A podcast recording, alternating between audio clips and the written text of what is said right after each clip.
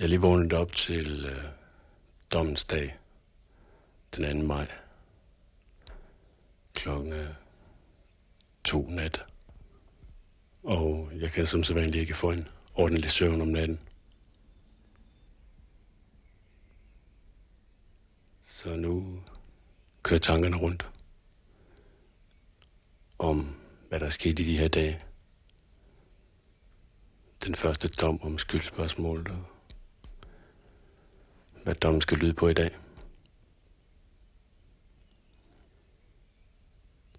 Men nu vil jeg lige lukke vinduet op og få lidt frisk luft ind i cellen.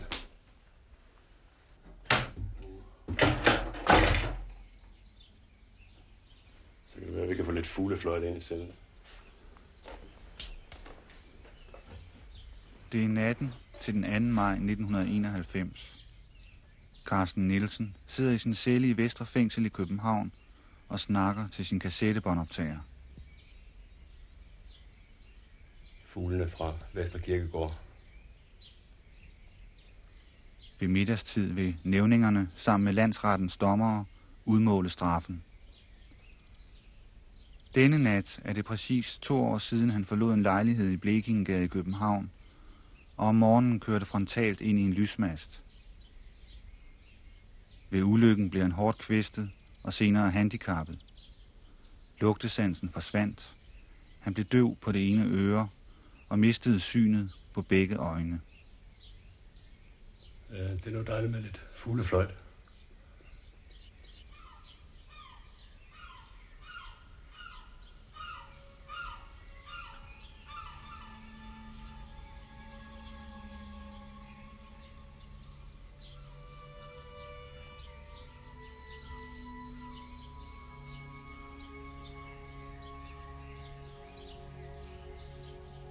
Øh, morerne og de rejsende.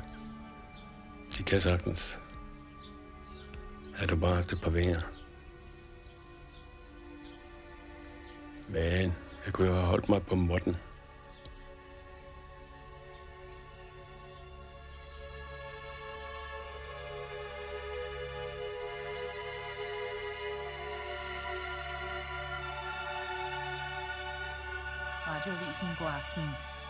De seks tiltalte i den store drabs- og røverisag har tilstået, at de var med til at røve 13 millioner kroner fra Købmagergades postkontor, men begge nægter sig skyldige i drabet lige efter på en 22-årig politibetjent. Østre Landsret tog i dag hul på den omfattende retssag i den såkaldte Blikkingegadesag, en sag om store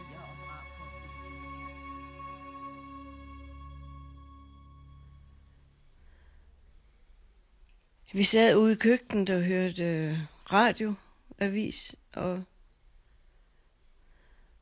hvor han tilstod at have været med til Købmagergade røveriet. Og det kom som en bombe for os. For vi, vi havde ikke troet, at han havde været med i det. Altså, det havde vi ikke troet. Heller ikke på det tidspunkt. Men det må vi jo tro, når han selv sagde det.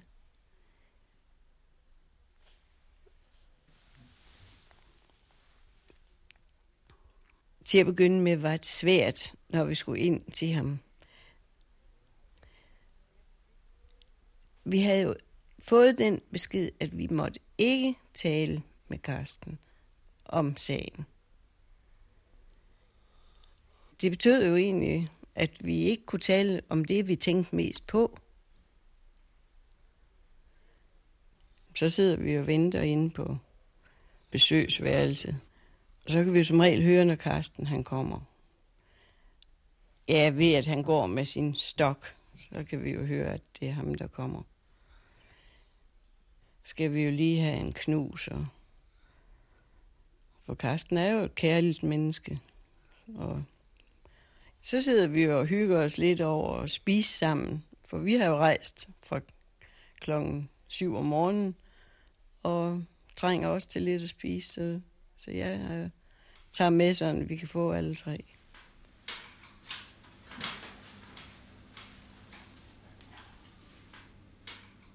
Vi er et besøgsværelse i Vesterfængsel i København. Det er her, han modtager besøg af familien, og i den tid, han sad i isolation, skete det hver gang med to kriminalbetjente til stede i rummet. Isolation betyder blandt andet besøgs- og brevkontrol, kun en gårdtur om dagen, og det meste af tiden alene i cellen, uden samvær med andre fanger. Den første tid i fængslet sad han i en celle på sygeafdelingen, men blev siden flyttet til celle nummer 629 Vestfløjen.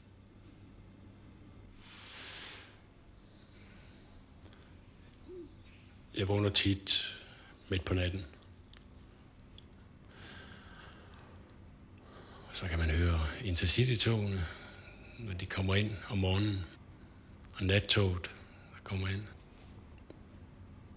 Og så hen øh, ved 4-5-6-tiden, morgerne begynder at skrige på, på deres morgenmad, på at få vores rester.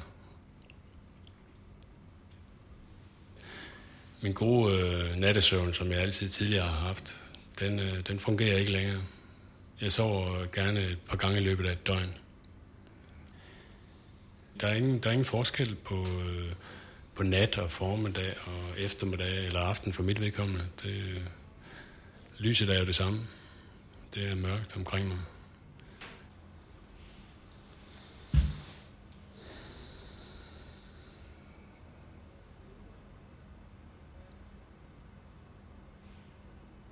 Altså, jeg kan trille en tårer en gang imellem, når man tænker på alt det smukke, man kunne have set.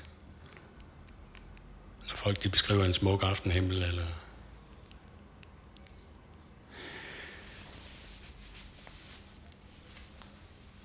eller et smukt maleri.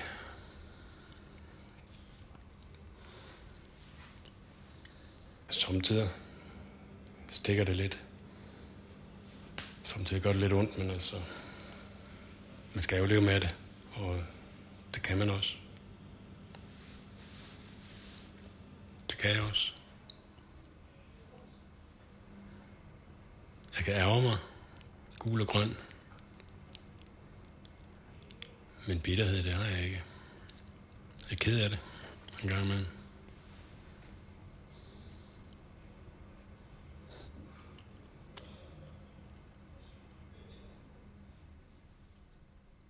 Ja, det var i øh, 87. Jeg tror, det var november 87. Jeg tror, det var nogle få dage efter, han var kommet til København. Altså den første aften, vi sås, der snakkede vi ikke. Men, øh, men så gik vi jo ned, næste aften gik vi ned begge to, for at se, om den anden var der. Og så var vi næsten de eneste, der var kommet. Så der gik jeg hen og begyndte at snakke med ham. Altså, vi snakkede bare almindeligt om, øh, jeg kan høre, at du ikke er københavner og sådan noget, ikke? Og hvad han så, hvor, hvor han så var i København og sådan nogle ting. Så. Sådan nogle almindeligheder. Ja, han var jo en... Øh, altså en meget af, afbalanceret person, som, som, øh, som vidste, hvad han ville. Og ja, sådan en rolig, en ro, meget rolig person. Og øh, ja, det er svært at beskrive. Altså sådan helt gennem bare varm, ikke? Altså sådan... Man nærmest øh, fik lyst til at, at, at forsvinde. altså, altså sådan, han var sådan altomfavnende, ikke? Han har aldrig, øh, øh, ja, han har aldrig virket fordømmende på nogen som helst måde.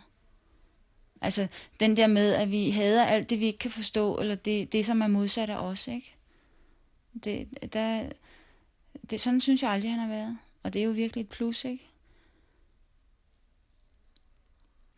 Der er dem, der er værtshuspolitikere, dem, der klarer verdenssituationen over en bajer, og maven vokser, og der sker ikke så meget andet. Og, og øh, sådan havde han det jo ikke, men der synes jeg jo til gengæld, at han var en skrivebordspolitiker, fordi jeg synes, han gjorde ikke noget andet end at snakke og, og, og, og diskutere med andre mennesker. Det var jo svært, altså han kunne jo ikke sådan begynde at fortælle mig, hvad han rent faktisk gjorde.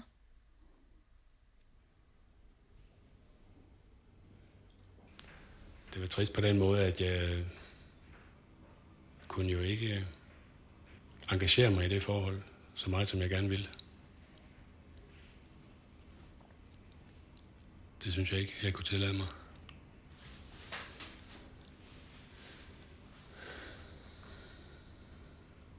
Men det har forandret sig nu bagefter. Det har været fantastisk at opleve, hvordan hun har besøgt mig i fængslet og, og stadig, stadig kommer og har øh, accepteret de ting og de hemmeligholdelser, jeg måtte, jeg måtte binde hende på ærmen dengang. Planlægningen for mit vedkommende øh, straks over et års tid. Og det er, det er lang tid, der skal, skal gå, øh, når man nu arbejder med det flere gange om ugen, øh, og så skal fortælle forskellige historier om, hvor man har befundet sig. Men altså, jeg boede ikke sammen med min kæreste, så det, og vi var ikke sammen hver eneste dag i sagens natur. Så det, det, det gik der, men øh, det ville ikke kunne lade sig gøre, hvis, hvis, man, hvis man har et par forhold og bor sammen. Det ville jeg ikke kunne affinde mig med. Røveriet mod en pengetransport i gården til Købmarkedets postkontor den 3. november 1988 blev gennemført af fem mænd. Den ene var Carsten Nielsen. Planlægningen af røveriet var minutiøst. Det tog 90 sekunder at udføre kuppet, og røverne slap væk med 13 millioner kroner. Pengene skulle sendes til befrielsesbevægelser i den tredje verden. Selve kernen i røveriet var et bluffnummer. Vi ønskede jo også at, at, have, at tænke på, på de meste detaljer. Og det kræver, at man, at man, at man gør de, for, de forberedende ting, de for, forberedende opgaver i god tid, lang tid før det løber af stablen. Så intet kunne gå galt. Så derfor arrangerede vi det bluffnummer, at vi øh, agerede politifolk, kriminalfolk, der skulle opklare knivstikkeri, og på den måde komme inden for porten øh, i øh, Købmagergade på samme tidspunkt, som pengetransporten den var der. Så jeg syede et par jakker. Købte nogle øh, jakker, der mindede, der havde det samme stof. Og så syede dem om til noget, der kunne gør det ud for en politijakke. Røveriet i Købmagergade førte til stribevis af anholdelser og sigtelser. Blandt andet for en lang række røverier op gennem 80'erne. For kidnapning og for overlagt mor. Og i første omgang ønskede politiet også at sigte for terrorvirksomhed. 20 mennesker blev sigtet i sagen, men da dommene faldt, var der kun syv tiltalte tilbage. Alle tiltalte blev dømt for hæleri, ulovlig våbenbesiddelse og dokumentfalsk. Fem blev dømt for forsøg på røveri, og fire blev dømt for røveriet i Købmagergade. Carsten Nielsen var blandt de fire. Han er i dag 38 år og vokset op i et hjem, hvor faren var ansat ved statsbanerne og moren syrske. Senere blev de kioskejere. Han har to søskende, en søster og en bror. Ham og jeg ligner hinanden på mange punkter, både af yder og også den måde, vi tænker på.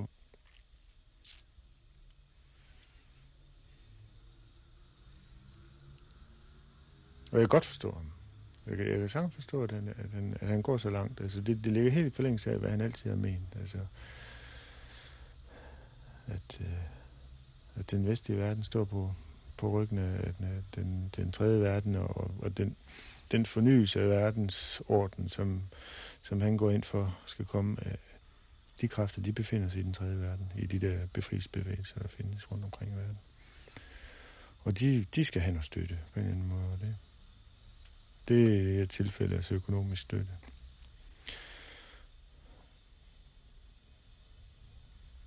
Jeg vil aldrig selv kunne, kunne være med til noget. Altså, altså den ene ting, det er min forståelse for, at jeg godt, jeg kan godt forstå, at nogen de kommer dertil. Altså, Carsten han har set mange ting, han har læst meget om sådan nogle ting i mange år. Meget bedre orienteret, end jeg selv er. jeg kan godt forstå, at han, at han når dertil, til at sige, at det, det, det er uretfærdigt, det her, og det gør jeg noget ved. Det er et hvor vi sådan begyndte at blive knyttet til hinanden på en anden måde, end vi har været som børn. Det var altså... Det har været dengang, at, at øh, Carsten han kom i lære, Der fik han nogle, eller havde en konflikt med sin mester, som var sådan en meget gammeldags mester. Og der var nogle konflikter omkring øh, arbejdssikkerhed, hvor jeg sådan var meget solidarisk med Carsten. Jeg synes virkelig godt, at jeg kunne sætte mig ind i situationen. Øh, Hvorimod omgivelserne, måske mine forældre sådan set. Men jeg synes, at meget han skulle lige tage og rette sig ind og, og tilpasse sig forholdene. Ikke? Så der, der mødte vi sådan nok hinanden på en anden fasong end den der drengefasong, vi har haft tidligere. Det var sådan en eller anden solidaritet omkring noget. Som så har været ved i mange år siden. Efter Carsten Nielsen var udlært som tømrersvend, startede han sammen med sin bror Jørgen sit eget byggefirma. Drømmene og visionerne var en helt ny slags byggeri med billige og ressourcebesparende konstruktioner. Men virkeligheden var en anden. Men det blev desværre ikke til, til så meget med, med eksperimenterne, fordi vi skulle tjene nogle penge, vi skulle også leve af det. Og for mig, der blev det en pestilens at gå og bygge tilbygninger for folk. Det blev meget til, at de ordre, vi fik i, i bogen, det var tilbygninger, som folk skulle have bygget på deres huse på et tidspunkt, øh, hvor deres børn var ved at flytte hjemmefra. Og, men hvor den egentlige grund til, at de skulle have det bygget, det var formentlig, at de manglede skattefradrag. At deres skattefradrag var ved at være for små, det fandt jeg fuldstændig meningsløst, og det hoppede jeg fra. Det ønskede jeg ikke at beskæftige mig med længere. Og øh, søgte over i, i det, der så blev til en fuldtids fuldtidsbeskæftigelse inden for flygtningehjælpen. Carsten Nielsen fik i Aarhus kontakt til organisationen Tøj til Afrika. Da den flyttede fra byen, blev en primus motor i en ny forening, Namibia-foreningen. Sammen med et par kammerater satte han container op rundt omkring i byen, hvor folk kunne aflevere deres brugte tøj. Og sammen lånte de af Aarhus Kommune 500 kvadratmeter i en nedlagt tekstilfabrik. Med tiden blev det til en virksomhed, et beskæftigelsesprojekt for 13 langtidsledige. I 1984 åbnede de en genbrugsbutik, hvor overskuddet gik til driften af tøjansamlingen. Carsten arbejdede meget. Ja, han, øh, han lagde virkelig meget energi i. Og i at danne det, som øh, blev til Namibia-foreningen i, i Aarhus. Vi samlede cirka, det regnede vi ud, vi samlede cirka øh, 100 tons øh, tøj ind hver år. Der blev sendt 100 øh, tons øh, sorteret og presset tøj ned til øh, flygtningelejrene med øh, svenske skibe. Bare for, alene for Aarhus-afdelingen. Og vi var ikke ret mange om det faktisk ikke. Der kom også øh, tit øh, folk fra, fra Svarbo, altså den øh, namibiske befrielsesorganisation. De kom også til Danmark. Der kom repræsentanter til Danmark, og de øh, var glade for det stykke arbejde, vi gjorde. Det var så alt øh, en målstok, som, som gjorde, at de øh, fik øje på os dernede. Her kunne man se et, øh, et formål med det, man gjorde. Det kunne få os til at køre øh, meget langt. Lang tid i gangen. Så slog vi os ind på nogle nicheproduktioner, blandt andet øh, teltproduktion til de namibiske flygtninge, som især Karsten kørte på i, igennem en del år. I efteråret 1987 flytter Carsten Nielsen til København. Gennem tre år har han været medlem af Kommunistisk Arbejdsgruppe, som har sine rødder i 70'ernes venstreorienterede politiske miljø. Han deltager i gruppens studiekredse om forholdene i den tredje verden og arbejder på gruppens forlag Manifest. Samtidig har han job som sælger hos Ulandsimporten, og han er med til at starte et alternativt pressebureau, Tredje Verdens Stemme.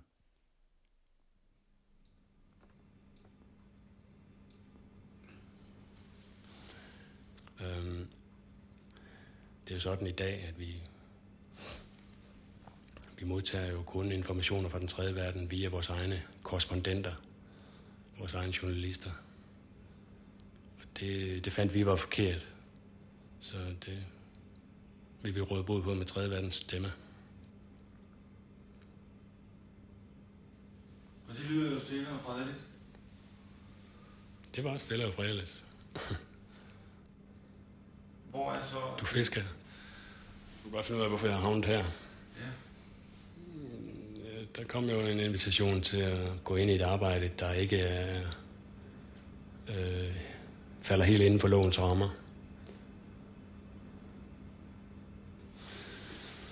Og være med til et lidt mere givetigt, en lidt mere givetig form for, for bistand til, til de bevægelser, vi vil støtte i den tredje verden. Da jeg så har svaret ja til, til det spørgsmål, de måtte jo ligesom veje stemningen, før de uh, fortalte mig i detaljer, hvad det handlede om. Hvor jeg så blev præsenteret for den her varme plan om uh, at overfalde en pengetransport.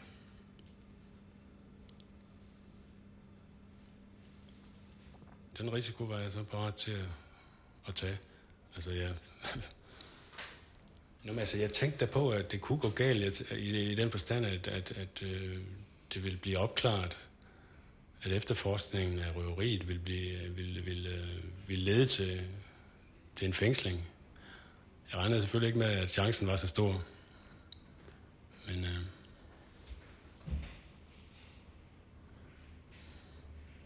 der er mennesker, der har behov for de penge til deres øh, kamp for overlevelse.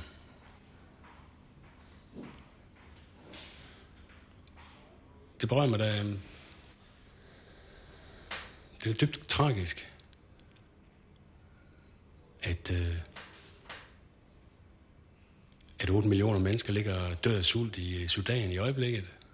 Og i, Namibia, i det nordlige Namibia og sydlige Angola er der, har der været tørke i adskillige år. Det er da, det er da dybt tragisk.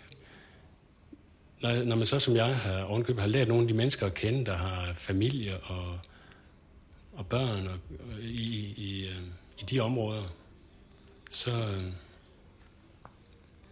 så får man altså en trang til at, at gøre en indsats for at hjælpe dem med sin egen arbejdskraft for at rette op på de ting.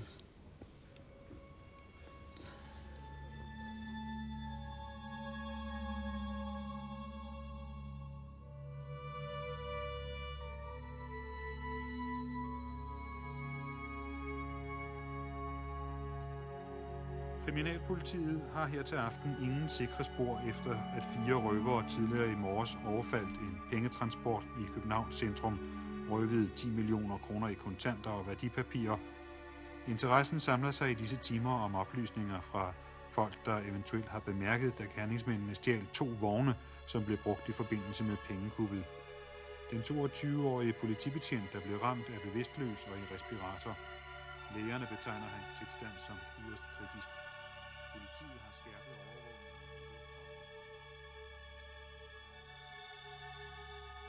Ja. Jeg har haft den holdning, at, at man skal ikke have ambitioner på sine børns vegne. Øh, og øh, vi kan ikke leve deres liv. Det, det var jo den tredje verdens øh, befolkningsforhold, han, han har arbejdet på i mange år, og øh, som han, han følte meget for de folk.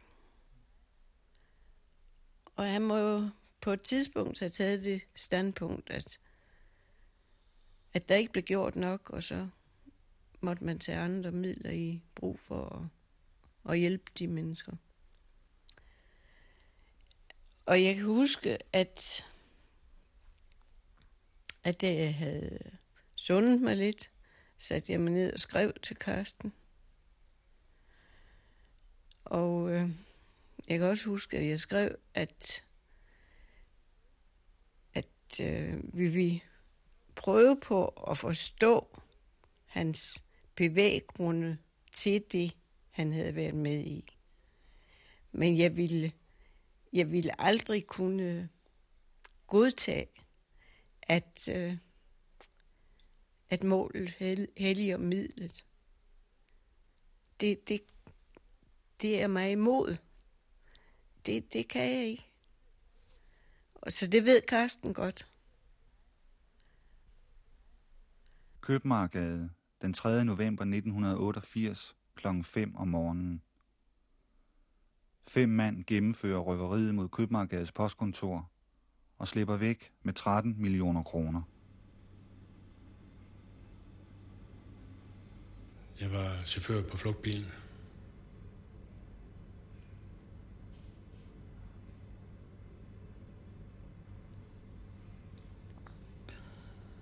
Og så øh, kører I fra øh, Købmagergade. Hvad sker der så?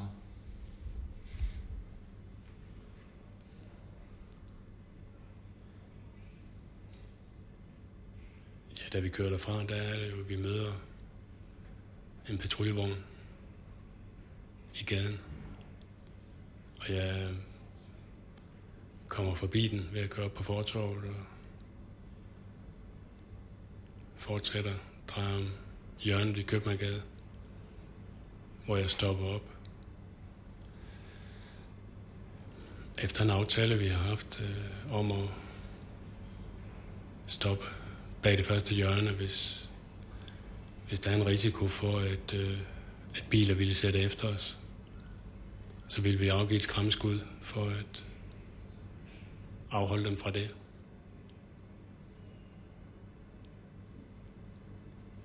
Hvad sker der så?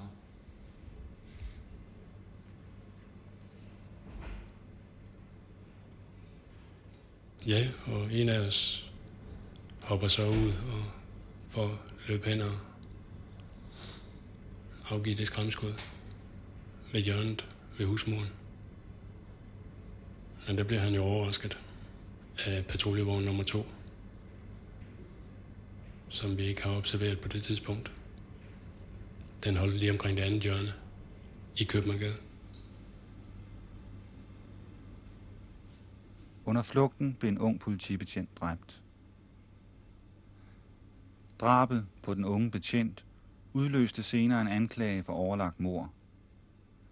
Betjenten blev ramt af et enkelt randhavl ud af de 12 havl, der blev affyret med et oversaget jagtgevær. Geværet blev efter alt at dømme affyret fra hoftehøjde. Det var, da vi hørte radioavisen nogle timer senere, at det gik op for os, at, at den betjent var blevet ramt.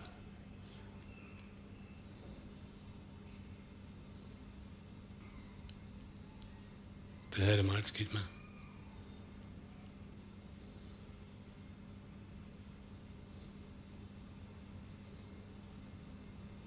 Jeg gik selvfølgelig hele dagen og håbede på, at det var et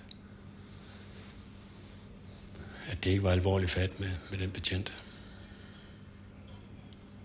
Det var først om aftenen, at vi fandt ud af, hvor galt det var gået.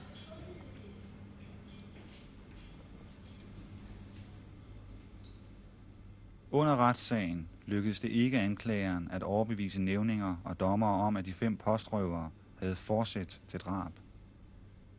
Det var heller ikke muligt at udpege en gerningsmand. Det kunne jeg aldrig finde på. At fortælle, hvem det var.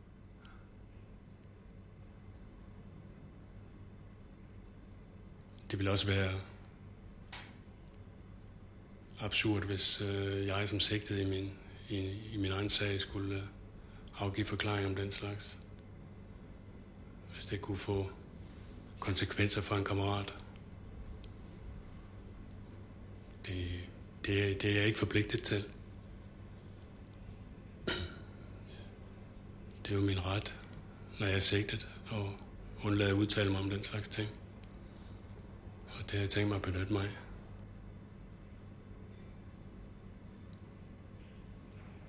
Det er ikke et problem som menneske i hvert fald, så at sidde med en viden, som man aldrig kan sige til som man skal holde for sig selv resten af livet. Nej, det er da klart. Jeg vil da, jeg vil da have problemer med min øh, samvittighed, hvis jeg fortalte, hvem det var.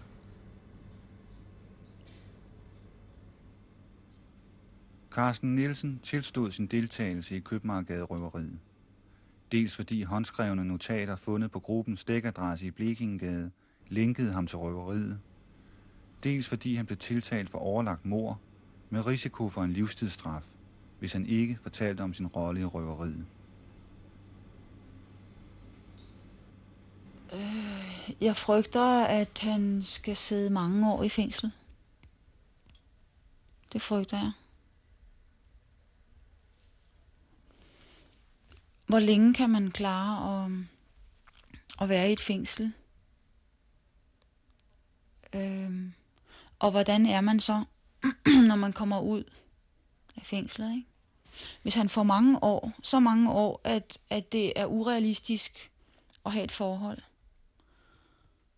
øhm, så mister han jo mig. Fordi jeg jo altså ikke kan leve med et menneske, der, der skal sidde derinde i alt for mange år. Vel?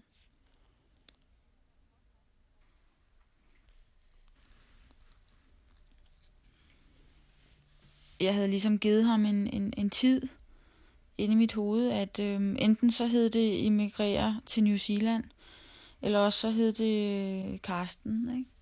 Og, og der gav jeg ham så den tid, der hedder, at, at øh, min uddannelse varede øh, to år mere, og, og så var det i hvert fald også to år, inden jeg fik sparet penge sammen. Så øhm, han, havde, han havde i hvert fald en 3-4 års løbetid på at finde ud af, om, om han nu ville med mig eller ej.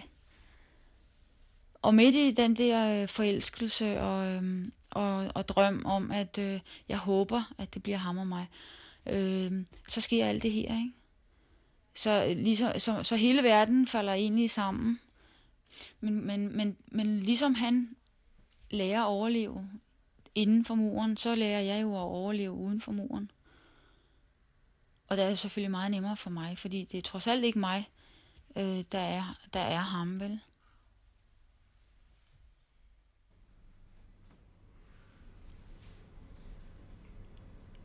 Altså det værste ved at sidde her, det er, at jeg ikke kan bevæge mig.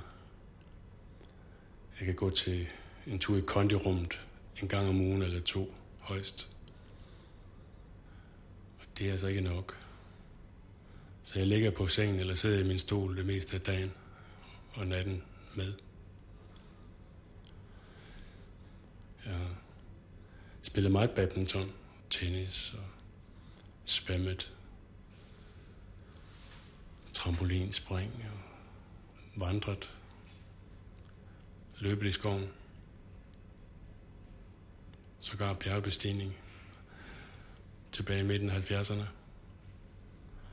Og så har jeg nyttet at tage på skiferie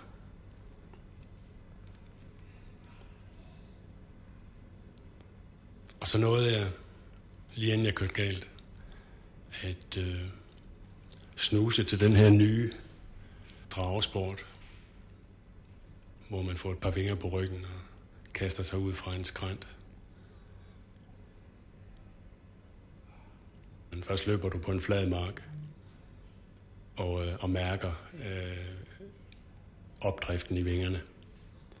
Så, øh, så kan du gå lidt højere op på bakken og så løbe. Og så når man at svæve en 10 meter den første gang. Ikke? Og lander med et ordentligt brag. Og efter, en, efter at man mestrer øh, og kan dirigere øh, styregraderne på den drag, så får man så lov at kaste sig ud fra klienten ved Gilleleje. Jeg mærkede opdriften i vingerne, og jeg faktisk øh, steg. Så, så foretog jeg den første vending, og øh, det gjorde jeg selvfølgelig alt for langsomt, så jeg kom langt ud over vandet. Og der var jeg nødt til at tage en vending mere, øh, fordi jeg ikke kunne lande på stranden der, i den retning. Der var for mange store sten og ingen sandbred. Så jeg måtte, jeg måtte endnu længere ud over vandet og styrte dykke ind mod strandbredden for, for ikke at få røven i vandskorben. Det kan godt... Øh, der er en vis fare ved at, ved at lande i vandet med sådan en drage. Du kan faktisk drukne. Hvis bare man har en opadgående luftstrøm, hold sig, hold sig flyvende, lige så længe det skal være.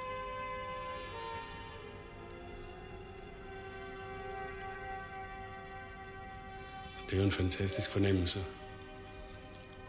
at øh, hænge i luften, ligesom mågerne sejler rundt.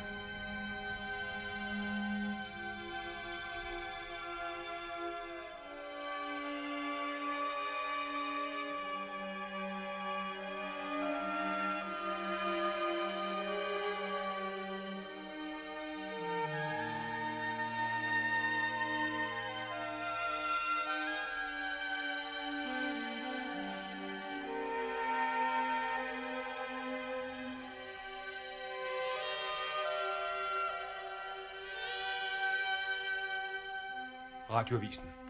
Fem mennesker sigtes for en række af de sidste 10 års største røverier herhjemme og bortførelsen af en bankdirektørs kone og barnbarn.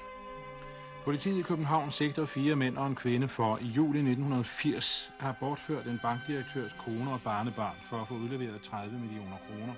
Politiet mener, det var de samme, som to år efter begik et postrøveri af et udbytte på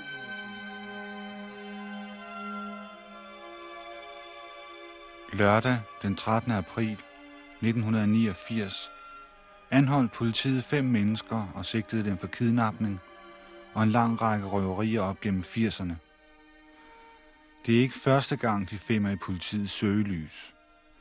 I over 10 år har politiets efterretningstjeneste skygget, overvåget og aflyttet flere af de sigtede.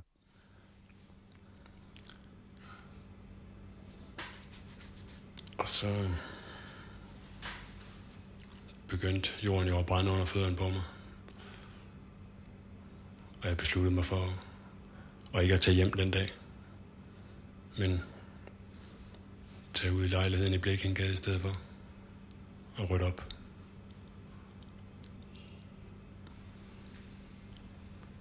Og begyndte at sortere de forskellige ting.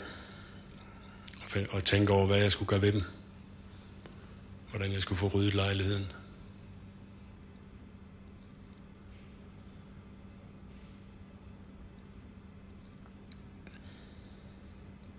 Der var så meget skidt derude.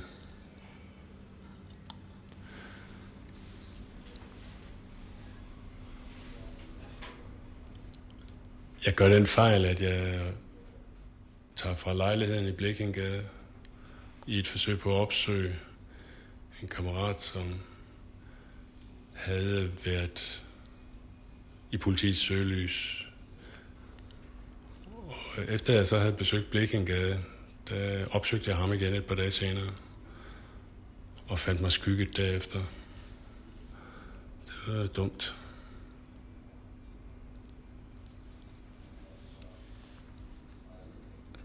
Så jeg gjorde en, en række krumspring i løbet af de, de halvanden uges tid. Lejede forskellige biler, tre forskellige biler.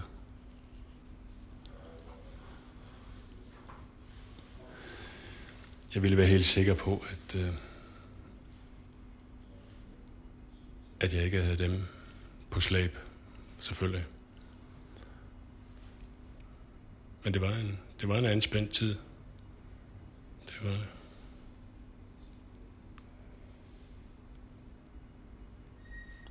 Og jeg besøgte min bror i Jylland øh, for at slappe af et par dage.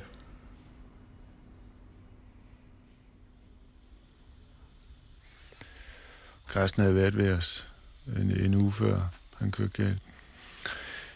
Øhm. Så det var først de sidste par dage, han var der, at det gik op for mig, at der faktisk var foregået noget her i København, som var noget voldsommere, som han var meget optaget af. Og inden han, øh, tog, tog fra os, havde en tydelig fornemmelse af, at der var noget rivende galt. Den fik jeg i og med, at han fortalte, at han havde de her venner, som, som sad i fængsel på det tidspunkt. Og øh, dem kendte jeg ikke dengang. Altså dengang han kom og fortalte det, der sagde det mig ingenting. Altså jeg kunne knap nok huske de der røverier, der havde været. der. Altså jeg blev selvfølgelig interesseret, og så begyndte jeg at, at kigge noget aviser, og fandt så også ud af, at det var mere alvorligt end sådan bare nogen, der var inde og spille lidt for et eller andet tilfældigt. Altså.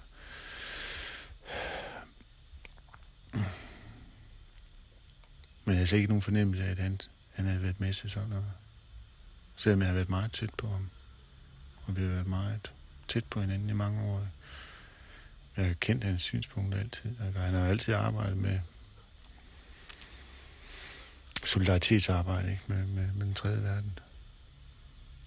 Men derfor er det alligevel ikke på noget tidspunkt skænket den tanke, at, at han var, han var gået over til, til noget, der altså var kriminelt i det her samfund. Det har jeg slet ikke tænkt på.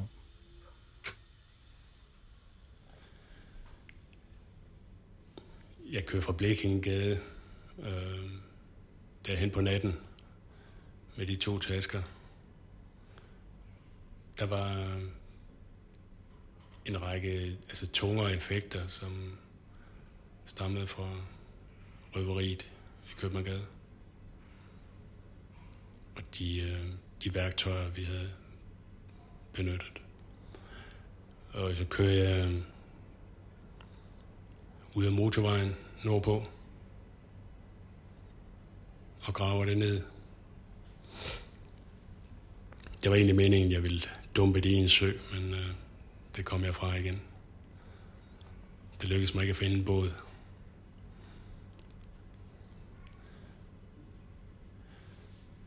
Jeg aner ikke, hvor, hvor, jeg, hvor jeg kørte rundt. Jeg kan huske, at jeg kørte, jeg kan huske, at jeg kørte forbi Farum. For jeg havde været inde ved, ved en af de små søer, før man kommer til Farum. Og kigge mig omkring. Men det var ligesom, det var for tæt befolket, og jeg skulle være sikker på ikke at,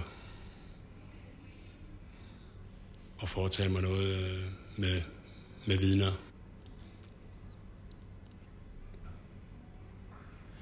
Jeg husker slet ikke, at jeg har gravet de ting ned, eller min kørsel den morgen. Det, øh, det er helt væk. De skriver i rapporten, at jeg kørte 70 km i timen. Det er mig en gåde, at, øh, at jeg kunne køre galt. Og jeg kørte i 18 år, og aldrig haft et uheld.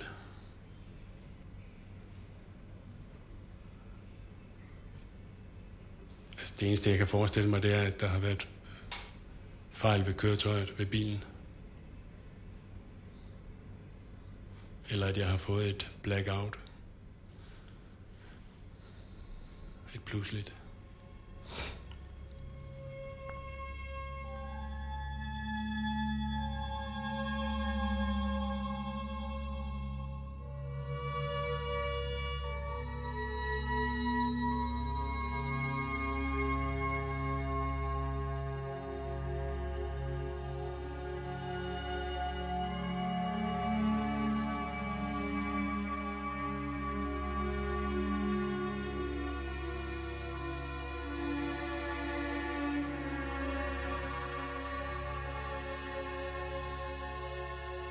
Radioavisen. Politiet mener at være på vej til at opklare det sidste 10 års største røverisager i hovedstadsområdet. En bil forulykket i Nordsjælland. Føreren blev hårdt kvæstet, og politiet fandt ud af, at han var en af de personer, de gerne ville tale med i forbindelse med den sag, hvor i politiet indtil i går havde fået fem mennesker fængslet. Nu er tallet 10. I bilen fandt politiet ting, der kunne tyde på en sammenhæng mellem den med den verserende sag. Herom siger kriminalinspektør Kurt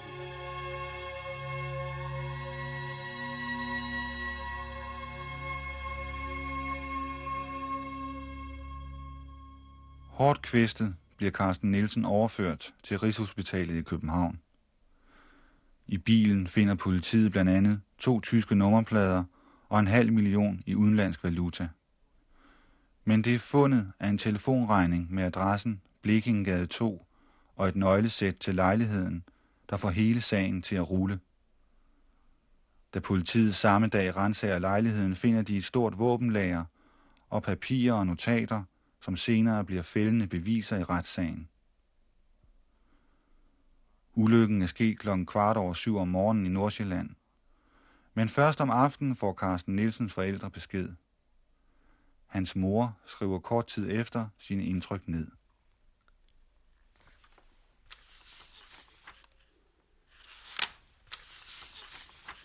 Tirsdag aften kom Jørgen og to civile betjente og fortalte, at Karsten var kommet slemt til skade ved en bilulykke. Man føler, at alt skrider inden i en, og vil vide, hvor slemt. Vi skal vide, at han er nok slemt lederet i ansigtet, og i alle tilfælde nok har mistet det ene øje. Men mere ved de ikke, da Karsten stadig ligger på operationsbordet. Ulykken er sket ved syvtiden om morgenen. Man føler sig fuldstændig lammet. Men de må desværre meddele os, at det ikke er det hele. Da der i bilen fandtes ting, der indikerede, at Karsten, med deres ord, var kommet ud i noget skidt og var indblandet i den verserende store røverisag. Så Karsten var arresteret. Klokken var efterhånden hen ved midnat, da vi blev ringet op og fik at vide, at Karsten havde mistet begge sine øjne. Åge ringer Jørgen op og fortæller det sidste. Vi har aftalt, at vi tre tager lyntoget næste morgen.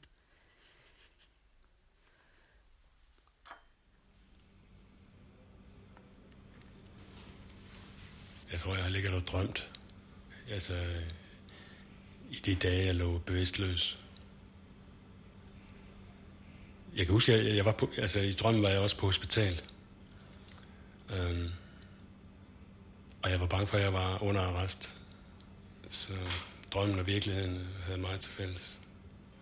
Og jeg kan huske, at i drømmen øh, gentagende gange øh, krævede en forklaring på, om jeg var under arrest eller jeg ikke var. Så jeg havde en klar mistanke om, at jeg var under arrest. Og jeg kan huske et sted, der, der lå i, i nærheden af en skov, der gik jeg der gik jeg fra afdelingen og spacerede ud i skoven. Og blev så øh, indfanget af nogle læger, som bad mig om at komme tilbage til afdelingen. Og jeg skulle lade være med at gå rundt. Det var for risikabelt at gå rundt på den måde, når jeg var under behandling. Jeg var ikke, jeg var ikke blind i drømmen. Det, det anede jeg jo ingenting om. Der var masser af farver på, på drømmen.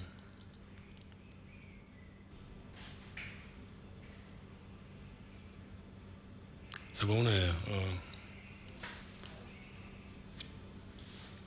og havde besøg af familie, forældre og bror.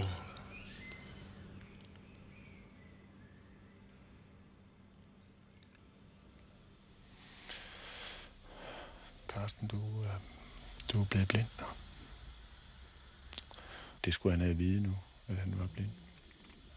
Og, og jeg vil også fortælle ham, hvorfor han lå der jeg havde sådan en følelse af, at øh, han, han skal vide, at det er rigtigt, det de fortæller ham. Ikke? Fordi han, han ligger der i, i et sort hul, og, og han ved godt, at han har været med til noget formentlig, som, som der er nogen, der vil være meget interesseret i. Altså, hvis han skal have, have en chance, så skal han have at vide, hvor han er henne, og hvorfor han er der, og hvad der er sket med ham. Så jeg følte, det var min pligt at fortælle ham, at han var blevet blind.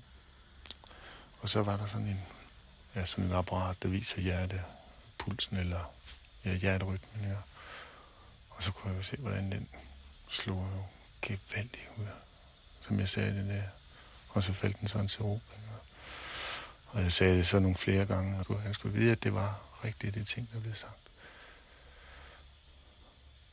Og han lå jo fuldstændig næsten liv, livløs. Altså, hans krop kunne ikke gøre noget, men jeg kunne bare se på det apparat, der, at hans, hans hjerte det reagerer utrolig kraftigt.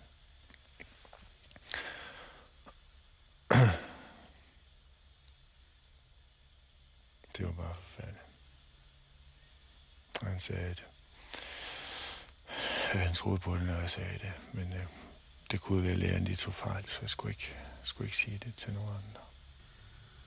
Og så blev han meget træt, og så fik vi at vide, at nu skulle vi stoppe. Øh, han kunne ikke tåle mere.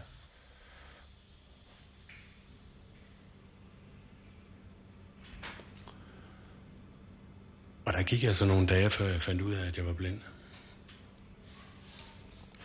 Jeg, jeg, så, jeg så klart og tydeligt alt, alt og alle omkring mig. Jeg så både sygeplejersker og læger og far omkring sengen og familien. De stod i fuld figur. Jeg så alting ganske klart og tydeligt. Min, uh, min uh, fantasi, den, den skabte simpelthen billeder foran mig. Så jeg fattede ikke, de, de kunne stå og snakke om, at mine øjne var ødelagt. Jeg tror, det var mandag. Tre dage efter jeg vågnede op, at, at min bror tog sig sammen og bankede det ind i hovedet på mig, at jeg var blind. Så var lidt, var lidt hård i, i tonen. Altså jeg forstod, at han mente det alvorligt, ikke? Og jeg havde tillid nok til ham til at og så erkende, at, øh, at, øh, at jeg var blind. Og at det måtte være fantasier, jeg havde foran mig. Og fra, og fra det tidspunkt, der, der sortnede det ret hurtigt. Og billederne forsvandt.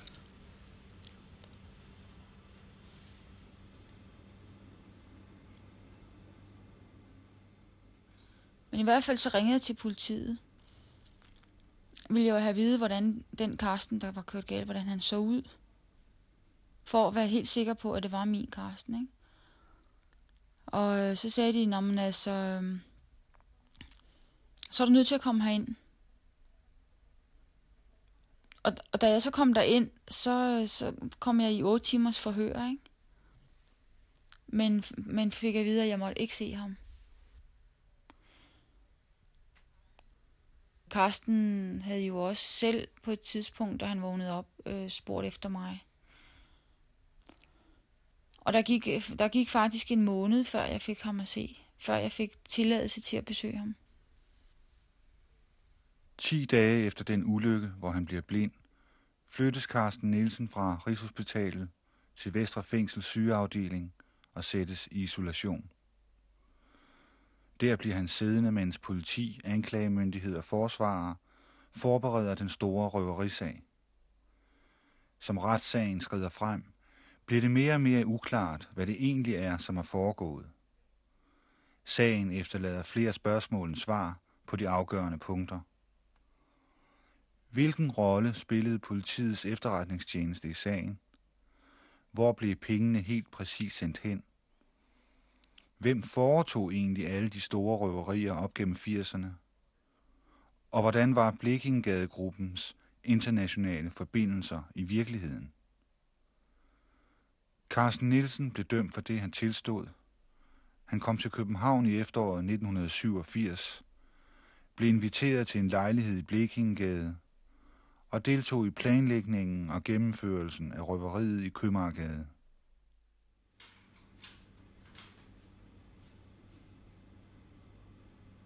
Et besøgsværelse i Vestre Fængsel i København, kort tid før dommen. Jeg har vel haft en, øh, det man kalder en, en lykkelig og tryg barndom. Far, mor, søster og bror. Dejlige ferieture, teltture med familien. Så lå vi i telt hele sommeren. Eller også tog vi på en ferietur til Sverige, hvor vi havde familie i den gamle Ford Prefekt. Jo, jeg kan også huske en, øh, en række øh, ture på besøg hos familie om aftenen. Enten til Skovby eller til Horsens havde vi en del uh, ture, hvor vi ligger på bagsædet og, og leger med hinanden, skubber til hinanden og tæller ishuse og tæller, tæller gadelamper, når man kører hjem til om aftenen.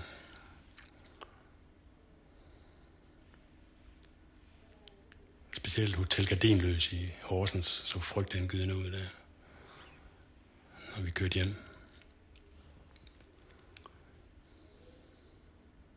Statsfængslet i, år, i Horsens. På toppen af en bakke i den nordlige udkant af byen. Så det, øh, og det lyser jo op med alle de, alle de små vinduer med træmmer for, uden gardiner og med lys, med små lys i ruderne. Det, det er en stor klods.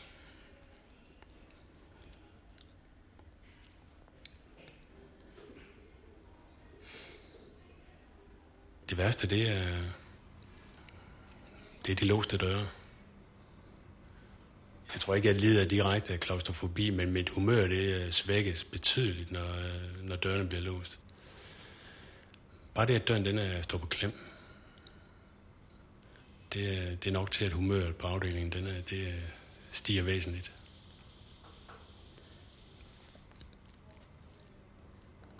Min dør den bliver sparket op en 10-20 gange om dagen. Og det er uanset om, øh, om jeg ligger i en sød søvn, middagslur for eksempel, eller jeg, eller jeg står med bukserne øh, ned om benene, eller jeg, øh, det, er, det er en meget udmødende situation. Det er et lille chok hver gang. Man, man bliver, man, man bliver, jeg bliver lidt forskrækket hver gang. Og irritabel over det. Og jeg har lært at tælle til 10. Det må jeg gøre meget ofte.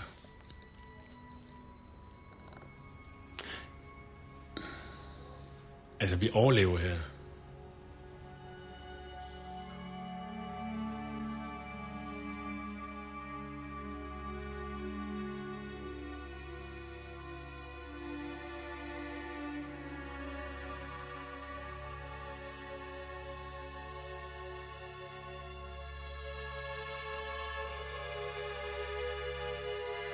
Radiovisen.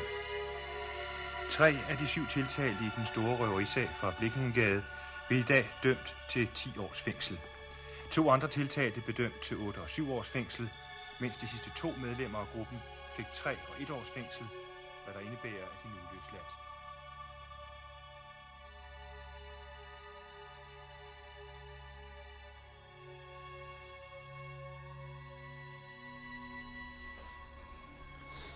Vi fik vores dom i dag. Vi kørte til Østerlandsret som så vanligt. Og der var et par timers øh, forhandling, øh, procedure om strafudmålingen. Og så en times vot- votering for nævninger og dommere. Så fik vi vores dom lige over middag. 8 år for mit vedkommende. Det var rigeligt.